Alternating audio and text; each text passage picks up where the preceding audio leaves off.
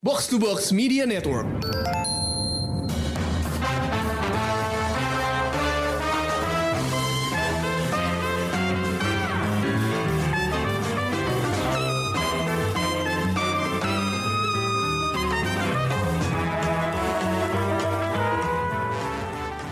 Pendengar Showbox, balik lagi bareng gue Amy. Dan baru-baru ini gue, Krisna, dan Ulil itu nonton film komedi Korea yang asli sumpah bodor banget.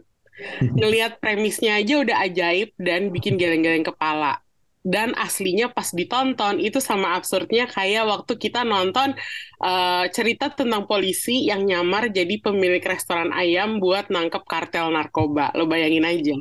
Film ini judulnya 645 atau bahasa Koreanya Yuksao.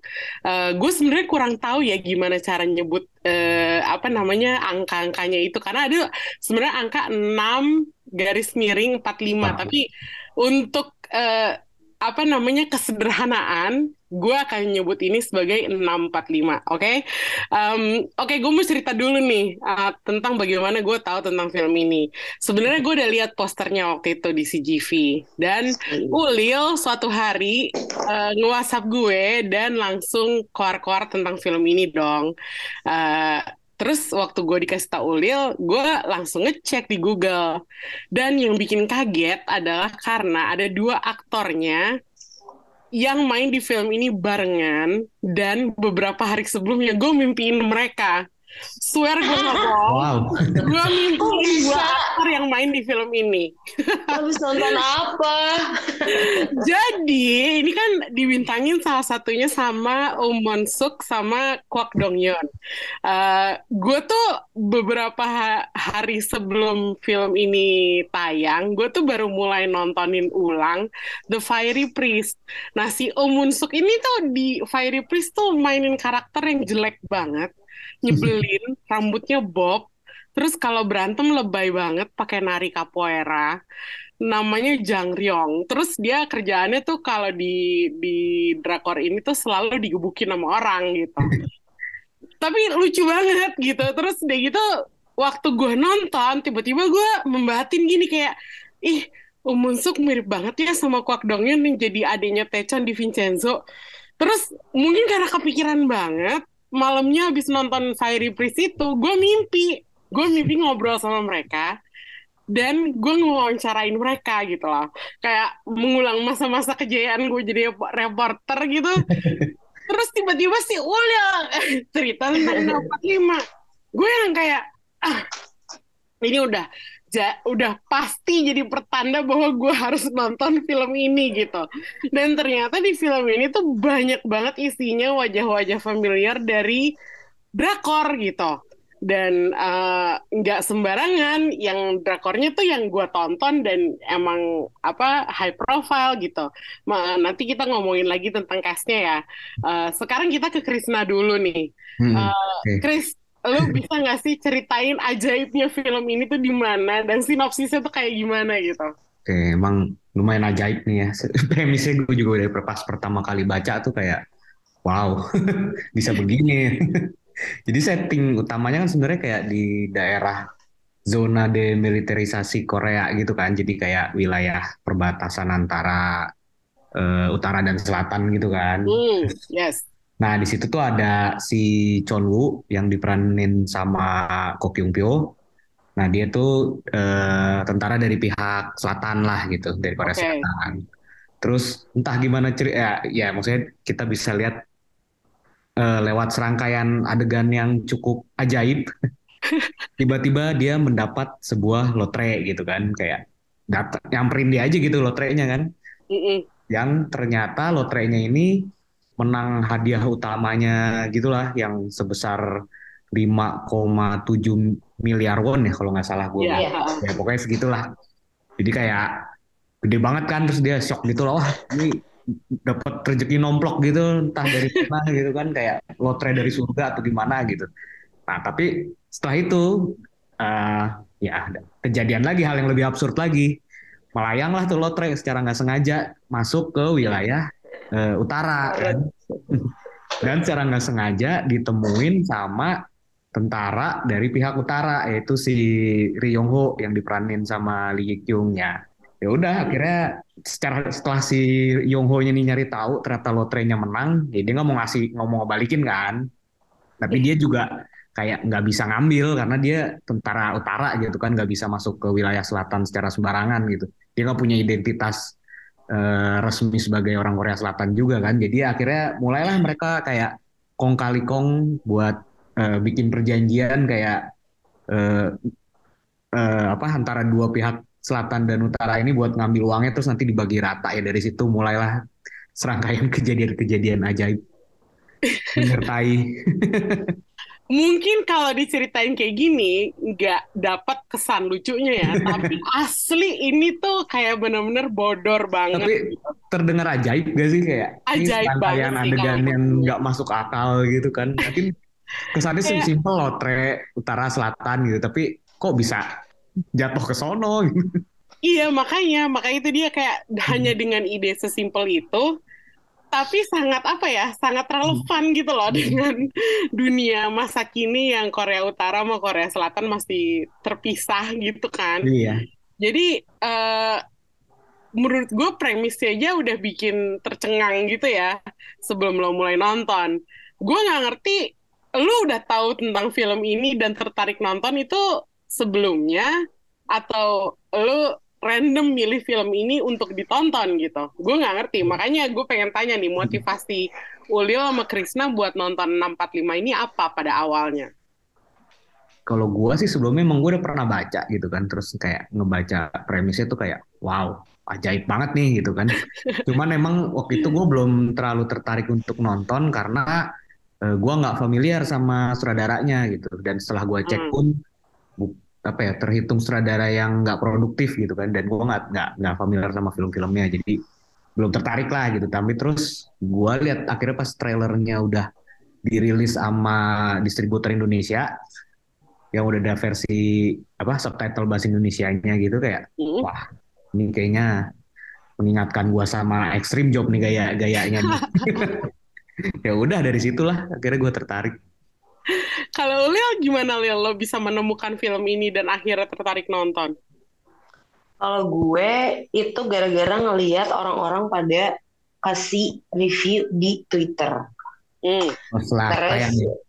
Setelah tayang. Terus uh, semua bilang kak kalau lo nonton Extreme Jobs lo mesti nonton ini karena filmnya lucu banget gitu kan. Terus gue kayak pas gue liat posternya apa lucunya pakai seragam tentara gitu ya nggak sih iya. walaupun yeah. pose mereka kayak banyo cuman kayak emang iya tentara ngelucu gitu kan gue kayak jadi deh nanti deh gitu gue gue tahan-tahan tapi gue gue gue lihat-lihat lo kok makin banyak nih yang nonton terus uh, beberapa temen gue juga uh, story di Instagram gitu lucu nih lucu bagus mesti nonton ringan gitu gitu kan. Wah nggak bisa. Hmm. ya udah deh. Kan kita takut filmnya turun ya. Dari CGV gitu. Jadi ya ya udahlah kita tonton aja nih. Um, abis pulang kantor gitu kita lihat apakah memang selucu itu ya kan? Di tesnya gitu dong. Kalau lo pulang kantor capek terus kayak oh, iya, emang ini kalau ini beneran lucu ya lo ketawa gitu kan. Ya udah gue nonton ternyata ya lucu sih. Dan itu pun waktu gue pulang kantor uh, itu seatnya hampir setengah studio gitu loh. Terus ah, uh, iya. terus gue iseng-iseng cek di weekend. Loh kok rame juga? Berarti kan memang uh, lucu dan orang-orang penasaran untuk menonton film ini. Kayak lumayan ini sih kayak uh, conversation di sosmed dia lumayan kencang sih dan semuanya yeah. Iya. uh, responsnya positif gitu kan jadi mungkin kayak dia lumayan awet juga akhirnya kan ada di layar di bioskop mm -mm, mm -mm, betul kalau menurut gue ada faktor dibandingin sama Extreme Job juga karena kan iya, Extreme iya, Job itu kan uh, popularitasnya tinggi banget dan yeah. sukses banget gitu jadi yeah. begitu lo denger wah film ini kayak extreme job lucu banget gitu lo pasti bakal udah lama juga kali ya iya gitu betul. Di ada faktor itunya gitu. juga gitu betul dan apa ya uh, jarang juga kan mereka ngeluarin film komedi gitu. Terakhir kalau gue nggak salah sih Emergency Declaration yang cukup bertahan lama dan diomongin di uh, bioskop gitu kan. Iya. Iya. Dan Emergency Declaration sama sekali bukan komedi ya.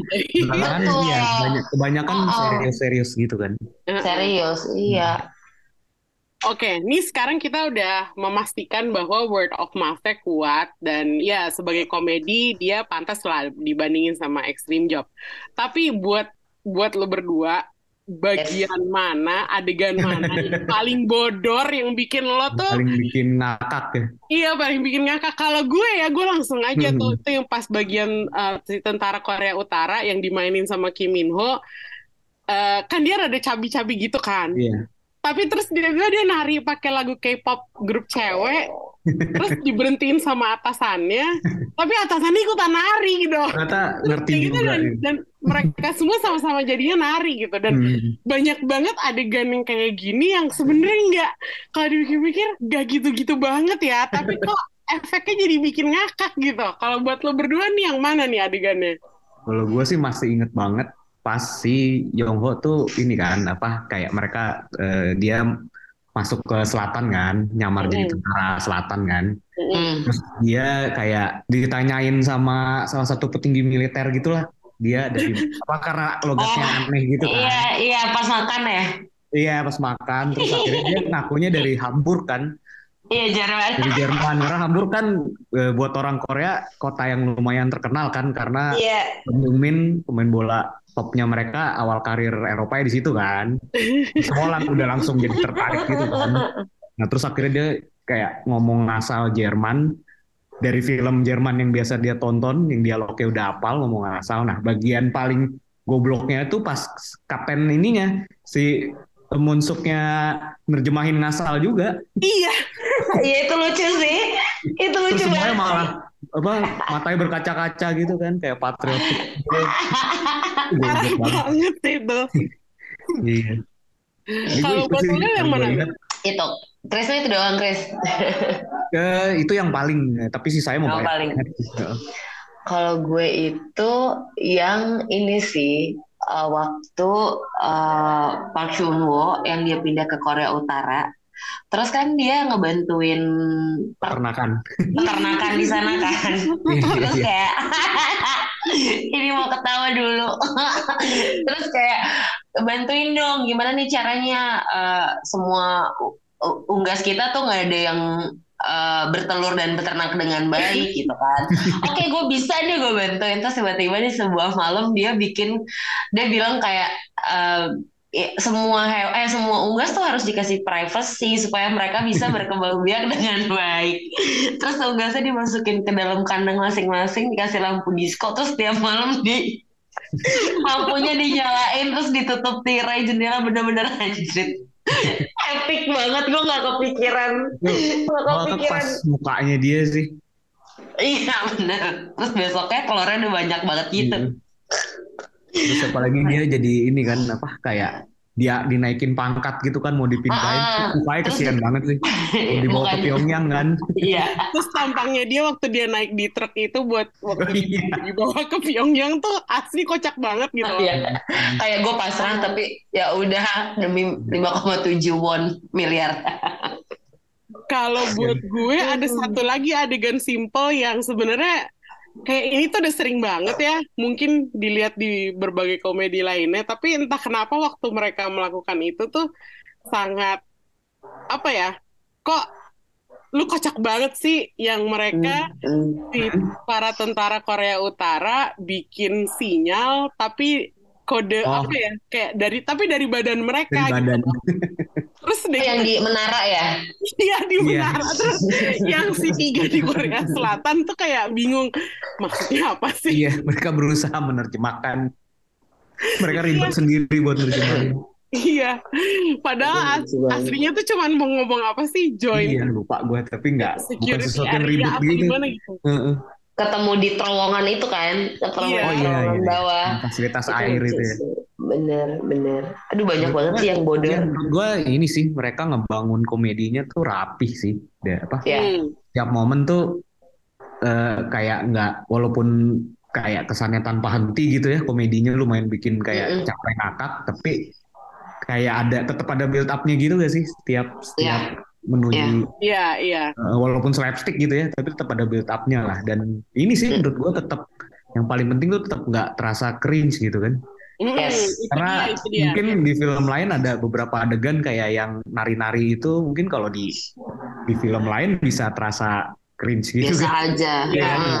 tapi di sini beneran lucu gitu Karena konteksnya Chris kalau menurut nah gue. iya makanya Karena kan Betul, ini kan mereka ceritanya kan mereka orang Korea Utara iya dianggap nggak boleh denger mereka nggak ngerti musik gitu loh. gitu ya. ternyata jadinya mengejutkan gitu kan Iya. Jadinya makanya kalau build up-nya oke kan Mm-mm. konteks konteks filmnya juga membantu eh, komedinya tuh untuk eh, apa ya Lebih lucu. mekar gitu loh untuk iya untuk jadi keluar gitu. Bisa Makanya deliver lah ke kita lah ya iya itu dia makanya gue banyak banget adegan-adegan yang kalau menurut gue eh, sebenarnya itu kayak apa ya bisa dibilang ya itu absurd gitu. Mm-mm. Kayak contohnya waktu si Kwak Dongyeon disuruh nukerin eh, tiket loterinya ke bank di Seoul. Iya. Terus dia di dia kan kehilangan handphonenya, tapi dia bis- berhasil di tracking sama atasannya si Om karena Bun jago IT ya Iya. Dan Mm-mm. di trackingnya tuh lewat apa ya? Sosial medianya Sosial media. orang-orang iya yang yang ngelaporin kelakuan cabulnya si Kwak Dongyeon gitu. Iya. Kayak padahal gara-gara dia itu kan kayak sebenarnya komedi yang rendah gitu kan kayak itu Iya, kan iya. apa sih komedi? jorok gitu kan jorok-jorokan gitu loh. iya Tapi entah kenapa efeknya di sini tuh jadi lucu. Mungkin karena Hmm. ya kita cuma ngelihat bahwa ini dia sebenarnya tentara, dia tuh pengen bersenang-senang gitu. Dapat cuti pengen senang-senang tapi nggak taunya dia disuruh dikasih tugas buat nukerin tiket Ya, lotre. Gitu. itu juga kita ngeliatnya jadinya begitu mungkin karena ya kita udah tahu alasannya gitu kan Ya, balik lagi konteksnya kita udah tahu gitu Mm-mm. Heeh. Jadi kalau menurut gue naskahnya sih lumayan ini ya, lumayan uh, kuat ya untuk Hmm, bisa betul. memproduksi komedi seperti ini dan kita tuh tetap terhibur meskipun sebenarnya ya slapstick, ya Hmm. vulgar gitu loh. tapi ada beberapa ini juga kan masih bisa nyelipin mungkin sedikit sosial komentari gitu juga kali ya soal hubungan utara selatan dan apa eh, kondisi militernya Iya. gitu betul. Nah itu Itu salah tetap satu hal yang subtle gitu kan. nanti pengen gue bahas ya, tapi itu ntar aja. oke oke. Sekarang gue pengen tanyain, eh, ini tuh menggambarkan film ini menggabungkan dua hal yang sepertinya sangat umum gitu di Korea, yaitu lotre sama hubungan Korea Selatan dan Korea Utara. ya Menurut lo gimana nih? Eh, kenapa kita makin ke sini tuh makin banyak cerita-cerita tentang hubungan Korea Selatan dan Korea Utara? Eh, Crash Landing on You gitu, contohnya di Iya. drakor gitu ya. Mm-mm. Maksudnya, apakah ini sebuah pertanda bahwa sebenarnya rakyat Korea tuh mendambakan persatuan banget, atau emang itu tema yang buat mereka tuh sehari-hari udah biasa gitu? Gimana pendapat lo? Iya sebenarnya kayak eh, terutama soal utara selatan gitu kan. Bahkan genrenya pun beragam kan. Hmm, ada yang Mm. komedi kayak misalnya 645 ini. Terus ada yang romance kayak Crash Landing on You. Terus ada juga yang serius banget yang ada elemen crime-nya kayak Joint Security, Security Area dulu film Park Chan Wook gitu. Mm-mm. terus ada juga yang spionase gitu kan. Banyak banget yang spionase kan. Ya iya mungkin kalau dari masyarakatnya sendiri sih udah capek juga kali ya sama sama konfliknya gitu. Kayak bikin mereka jadi harus selalu eh, wamil juga gitu-gitu kali ya. Cuman ya secara politiknya kan yang ribet kan. Hmm. jadi mungkin ya mereka bisa menyuarakan itu ya salah satunya lewat film dan drakor kali ya. Makanya banyak ngulik ke situ gitu menarik juga Hmm. sih karena karena kalau gue ngelihatnya jadinya ini tuh kayak semacam mereka tuh ini lotre sama Korea Selatan Korea Utara itu adalah dua hal yang ya biasa aja kayak akhirnya dianggap sebagai apa ya ya udah Nah. ada gitu loh, ngerti gak sih? Iya, Gak iya. ada alasan khusus buat lo bikin cerita yang kayak misalnya kalau misalnya lo bikin cerita tentang med- medis gitu, misalnya tentang Hmm. dokter gitu, lo Hmm. kayak harus butuh spesialisasi khusus untuk nulis naskahnya gitu. Sementara Iya. untuk yang ini yang tentang hal-hal kayak gini ya udah umum aja pengetahuannya gitu ya nggak sih? Iya. Ya, ya. Iya. Atau mungkin em, mau memberitahu ke penonton em, bener-bener kehidupan di Korut kayak apa gitu loh. Karena kan mereka sangat tertutup ya. Jadi kayak ya kayak gue gitu. Gue juga penasaran sebenarnya mereka tuh di sana tuh hidupnya Iya. gimana sih gitu. Terus kayak em, apa ya habit dan kebiasaan itu seperti apa sih gitu. Jadi apa ya kan kalau orang tuh dengar Korea Utara tuh kan kayak menakutkan dan menyeramkan gitu kayaknya ya. Ya takut. Nah, banget gitu. Heeh, kayak eh, apa namanya banyak banget jokes yang kayak mau liburan ke mana ke Korea, ke Korea mana Korea Utara gitu kan terus kayak nggak segala macam yang Ya, stereotip eh, hal- negatif lah ya. stereotip iya stereotip negatif dan menakutkan mungkin lewat film-film yang eh eh, drakor film atau drakor yang ada gitu mereka Iya. juga mau ngasih tahu Korea Utara tuh nggak seserem itu kok gitu Orang-orangnya emang sama aja. Iya, orang-orangnya sama aja gitu. Tapi ya memang mereka punya apa ya kepercayaan sendiri dan eh, kecintaannya pada negaranya segitunya gitu. Kalau gue sih ngeliatnya. Karena kalau kita lihat kan ya hidupnya sama-sama aja kan. Hmm. Cuman ya perbedaan dan perbedaannya ditunjukkan dari Pyongyang dan kota-kota kecil di sekitarnya gitu. Di mana kayak eh, tetap pusatnya tuh lo mau belajar, mau apa, itu tetap ke Pyongyang kayak gitu-gitu sih. Pusat. Hmm. Mm-mm. membuat ini lebih ramah Hmm. ramah apa ya mau bilang ramah penduduk nggak juga membuat ini lebih ramah di mata dunia kali ya. Internasional. Ya, internasional gitu. Jadi nggak nggak semenakutkan itu kok coy gitu Gue setuju sih, karena menurut gue ini yang tadi pengen gue ap- sentuh ya, eh, penggambaran Korea Utara di sini tuh sebenarnya lumayan positif ya. Iya. Dalam arti mereka tuh nggak ngejelek-jelekin orang-orangnya atau tradisinya, Eh, Mhm. bahkan karakter eh, tentara utara yang diperanin sama I, di Ikyong, dia malah tampil lebih heroik gitu Hmm. dibanding betul si karakternya Go Kyung Pyo yang agak lebih apa ya lebih bodor aja gitu Kayak dia ya jadi militer cuman kewajiban doang gitu loh. iya Ya. aslinya dia dokter hewan gitu Iya. bener udah gitu ada karakter adiknya yang perempuan itu yang diperanin sama Park Sewon si Iya. Yoni Eh, dia dengan berani ngelawan atasannya yang mau melecehkan dia gitu Iya. gue nggak tahu aslinya kalau di militer Korea Utara kayak gitu lo bisa melakukan itu apa enggak tapi gue merasa penggambaran itu sangat positif karena jadinya gue merasa bahwa oh ada perempuan kuat juga di Korea Utara gitu loh Sama ini juga Betul. kan kayak salah satunya si karakternya Kim Min Ho tuh si Chul Jin nah, kan kan memang kayak kita taunya bayangan kita kan ya tapi itu fakta mungkin ya ada keterbatasan akses informasi kan di Korea Utara Hmm. gitu ya. yes Nah, tapi ternyata dia sebagai kayak ahli IT-nya militer gitu ya. Dia nggak gaptek kan? Iya. Malah, malah lebih jago dari si eh, IT-nya Selatan si yang mancol kan?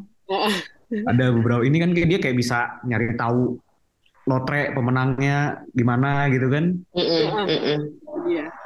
Iya, makanya jadi kalau menurut gue sebenarnya di sini emang bener ya, kayaknya emang filmmakernya tuh pengen ngasih lihat bahwa it's not that scary gitu Hmm. going to North Korea gitu. Iya, kayak Yes. Um, iya. meskipun kita Sebenarnya- tetap nggak tahu ya kondisi aslinya gimana. karena ini belum masuk ke. Pyongyangnya juga ya bener wilayah perbatasan Itu dia. Makanya gue, eh, se- ya gue sebagai kacamata orang luar, gue menganggap ini adalah semacam PR effort lah untuk betul ini juga kali itikat baik dari selatan Iya, benar. untuk, Itikat untuk baik dari. memberi image lebih positif gitu mungkin gitu ya nggak tahu sih Nah, itu, dia itu kayak makanya ininya sih mungkin apa kayak statement dari filmmakernya kali ya Nah, bisa jadi sih. Hmm, kayak Kayak menurut dia, ya udahlah, unifikasi aja deh.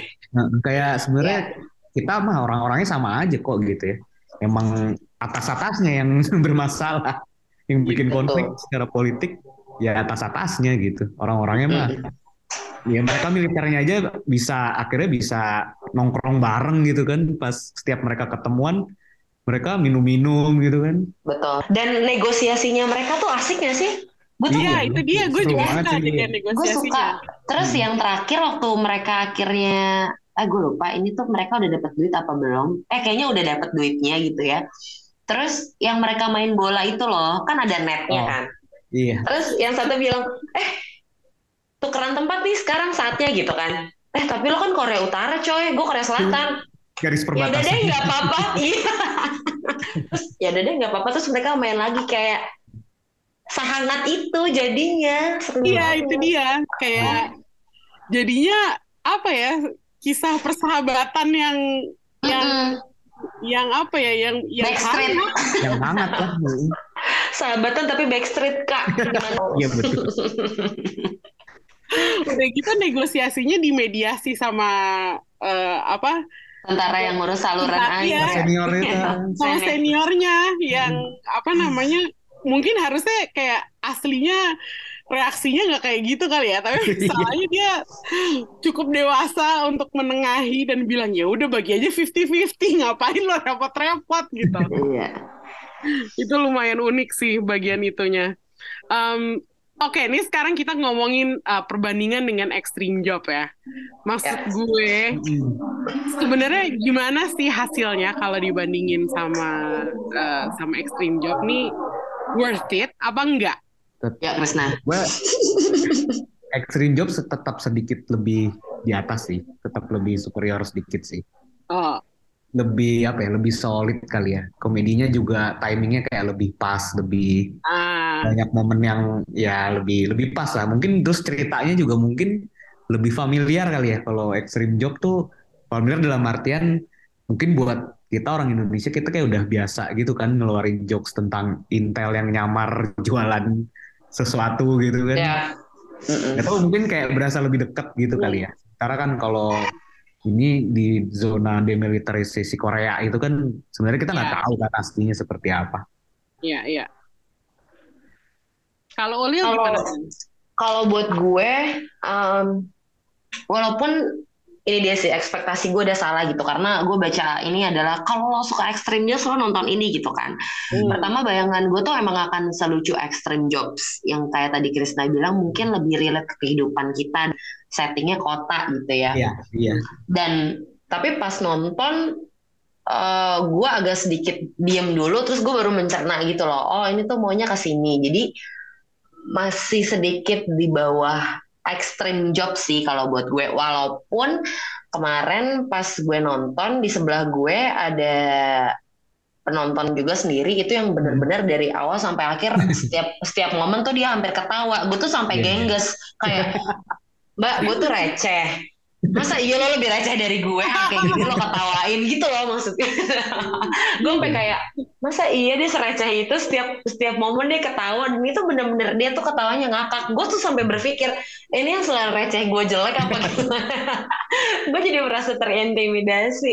Tapi ya, gue setuju mungkin karena eh, setting dan konsep ceritanya yang kita nggak kita alamin tiap hari jadi agak sedikit.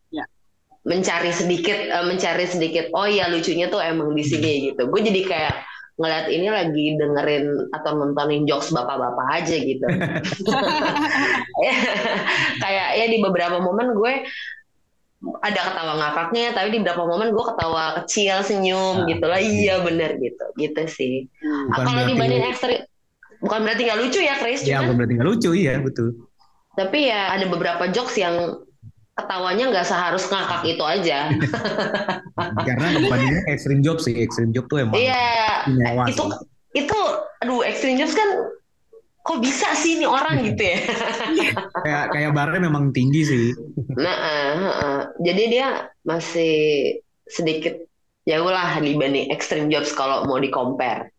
Oke. Tapi tetap menghibur dan lucu.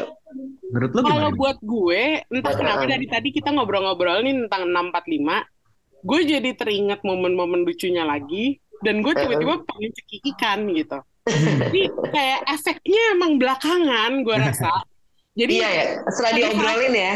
Iya, pada saat kita nonton Iya, iya, iya. mungkin reaksi kita ketawanya kecil gitu. Tapi sekarang dari tadi gue dengerin kita ketawa-ketawa kita ketawa-ketawa terus gitu loh.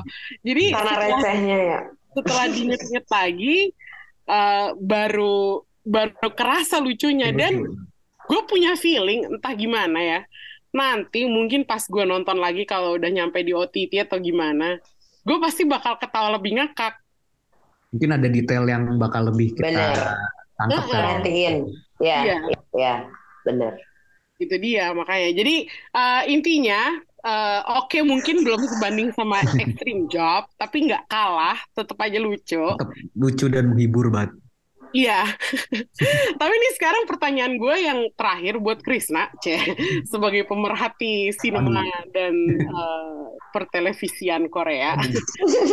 Kita kan sering banget ya Chris kita ngomongin bahwa kalau dulu drakor sama film itu dua dunia yang terpisah bintang-bintangnya nggak pernah crossover tapi Jarang. sekarang film ini itu yang main semuanya dari drakor gitu loh Mayoritas kita lebih familiar lewat drakor dulu ya. Iya kayak apa eh, Go Kyung Pyo itu kan Reply 98 Iya. kan terus kalau nggak salah dia pernah juga di DP ya DP ya.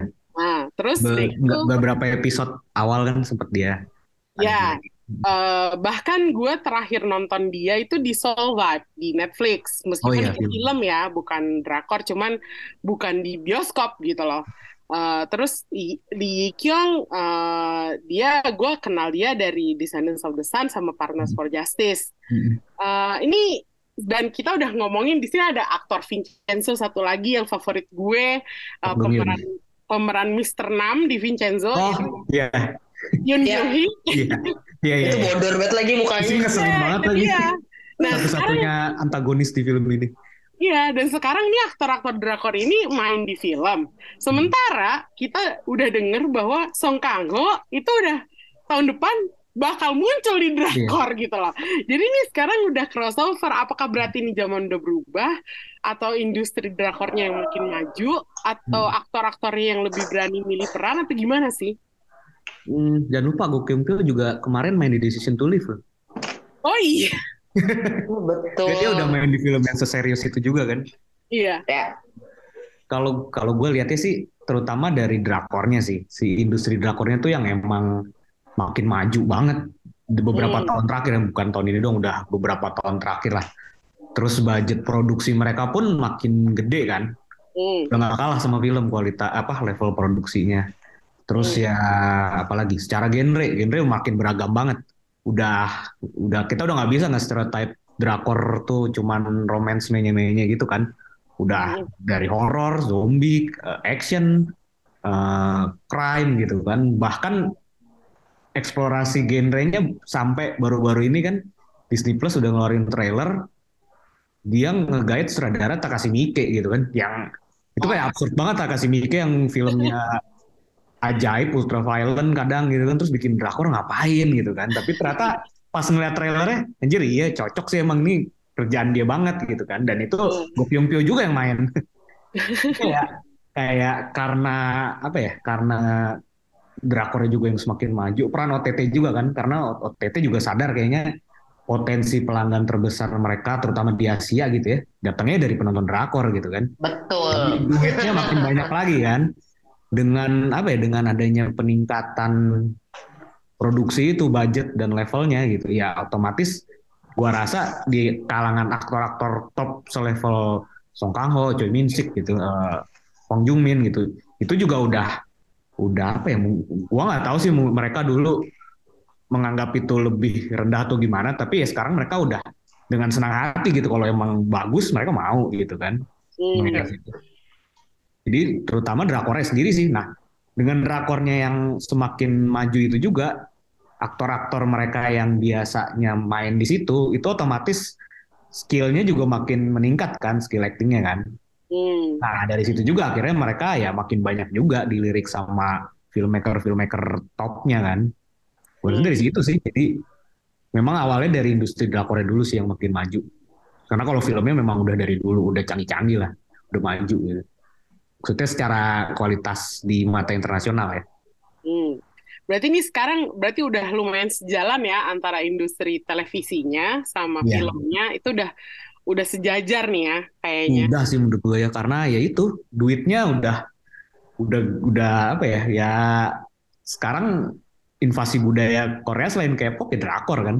Ya, betul. Apa maksudnya filmnya udah udah udah umum gitu kan lebih orang-orang lebih familiar dengan drakornya kan dibanding filmnya. Iya, itu dia. Realita. Makanya makanya gue ngusulin episode 645 ini masuk ke Korea Vaganza karena Iya. kayak udah nggak ada bedanya aja kita Nah, ngomong semakin sama aja iya sekarang. Iya, nggak ada bedanya kita ngomongin drakor sama film ini tuh feel-nya udah sama gitu loh. Mungkin ini gue inget banget man, eh, ini pas lu ngirim apa eh, nanya tema ini gitu ya. Gue inget banget sama obrolan kita zaman dulu waktu kita masih sekantor. Tapi Nah, waktu itu tuh kita ngomongin kejadian di Amerika. oh, Eh, ya waktu itu kan lu, gua kan termasuk orang yang jarang banget nonton series Amerika kan. benar. Sementara lu waktu itu udah udah penonton TV Amerika banget lah ya, lumayan. Ya, Waktu itu ya gue ya kita ngobrol gitu kan. Terus gue inget banget, gue cerita kenapa gua nggak suka ya karena kualitasnya kayak apa, dulu kan mostly episodik kayak gitu kan. Eh, Hmm. terus aktornya ya kayak lumayan opera sabun kadang-kadang gitu kan. Tapi di tahun itu kan tiba-tiba eh, ini banget juga kan apa kualitas produksi TV-nya meningkat juga kan terus lu kayak ngasih tahu gue kayak ya contohnya kayak Game of Thrones gitu kan terus aktor-aktor yang mainnya juga makin aktor-aktor film Hollywood tuh udah pada main di TV juga gitu. Nah kayaknya ini fenomenanya mirip gak sih? Iya, akhirnya Korea Akhirnya. mengejar Amerika. Heeh. Di Dan- TV-nya juga gitu kan. Bahkan kalau menurut gue sebenarnya industri film dan TV di Korea lebih stabil daripada di Amerika karena uh, Amerika tuh sejak uh, misalnya beberapa seri serial udah selesai tayang, belum Hmm. ada lagi yang Iya. seheboh itu gitu. Contohnya Sekarang. kayak Game of Thrones, mereka men- mencoba House of the Dragon, tapi sebenarnya reputasinya nggak secemerlang Game of Thrones. Jauh lah ya. Ah. biasanya. Gue gue sekarang jadi lumayan jarang nonton serial Amerika karena belum nemu lagi nih yang Iya. sebrilian waktu gue nemuin di era tersebut di mana Iya. Game of Thrones lagi masa-masa Tahun, tahun berapa itu ya? Gue inget banget. Kayaknya waktu itu gue 2017 2018 deh. Mungkin ya. Gue inget banget obrolan kita waktu itu. Gue juga makin Iya. sadar. Oh iya juga ya sekarang waktu itu waktu itu ya kayak serial. Oh iya serial Amerika juga levelnya udah actionnya apanya tuh udah kayak filmnya gitu. Mm-mm. Itu Ya, yang itu sebenarnya masih belum berubah sih, terutama dengan adanya Netflix, Amazon Iya. Prime, Disney Plus, Hulu. Itu Hmm. mereka semuanya memproduksi serial-serial yang kualitasnya sinema gitu sebenarnya gitu. nah Sebenarnya menurut itu belum berubah sih. Cuman beberapa tahun terakhir itu yang kayaknya terjadi di Korea kan. nah itu dia. Eh, se- mengulang kembali poinnya Krisna adalah pengaruh OTT ternyata gede banget ya Iya. dalam memajukan sebuah industri gitu. Investasinya berguna. Iya, itu dia. Makanya eh, gue kangen juga nih ngobrol-ngobrol soal drakor di Korea Vaganza. Anggap aja 645 ini sebagai penggantinya selama kita masih belum sempet nonton drakor yang panjang-panjang, kita ngebahas film komedi ini dulu. Eh, yuk sekarang kita kasih rating 1 sampai 5. Bagaimana verdictnya? Aku di tiga setengah. Gue empat deh. Oh, oke. Satu tiga setengah, satu empat, gue empat. Sebenarnya skornya bagus banget loh ini. Kalau Iya. menurut gue, Eh, lumayan eh, lah, oke. Oke, Dikasih empat sama? Krisna. Kenapa? Dikasih empat sama Krisna. Iya, ini untuk film komedi oke lah. Iya itu dia. Kalau ekstrim job gue kasih lima setengah sih. Tapi, tapi ini empat nggak jelek loh. Kayak Benar. pokoknya sangat entertaining. Kebetulan filmnya masih tayang eh, pada saat kita rekaman Awet ya. ini. Awet. Meskipun sudah ada Sri Asih dan Wakanda Forever, kalau masih sempat bisa nonton 645 di CGV, langsung aja nonton. Nggak bakal nyesel sih kalau menurut gue untuk ngabisin 50 ribu lah buat nonton. Iya Ya. nggak sih? Mungkin Oke. kayak Oh. lu bilang ditonton setelah jam kantor. Iya, buat Iya, penyegaran. penyegaran. Oke, thank you Oke. udah dengerin uh, celotehan kita kali ini. Uh, kita ketemu lagi di review berikutnya. Thank you dan bye-bye. Bye bye.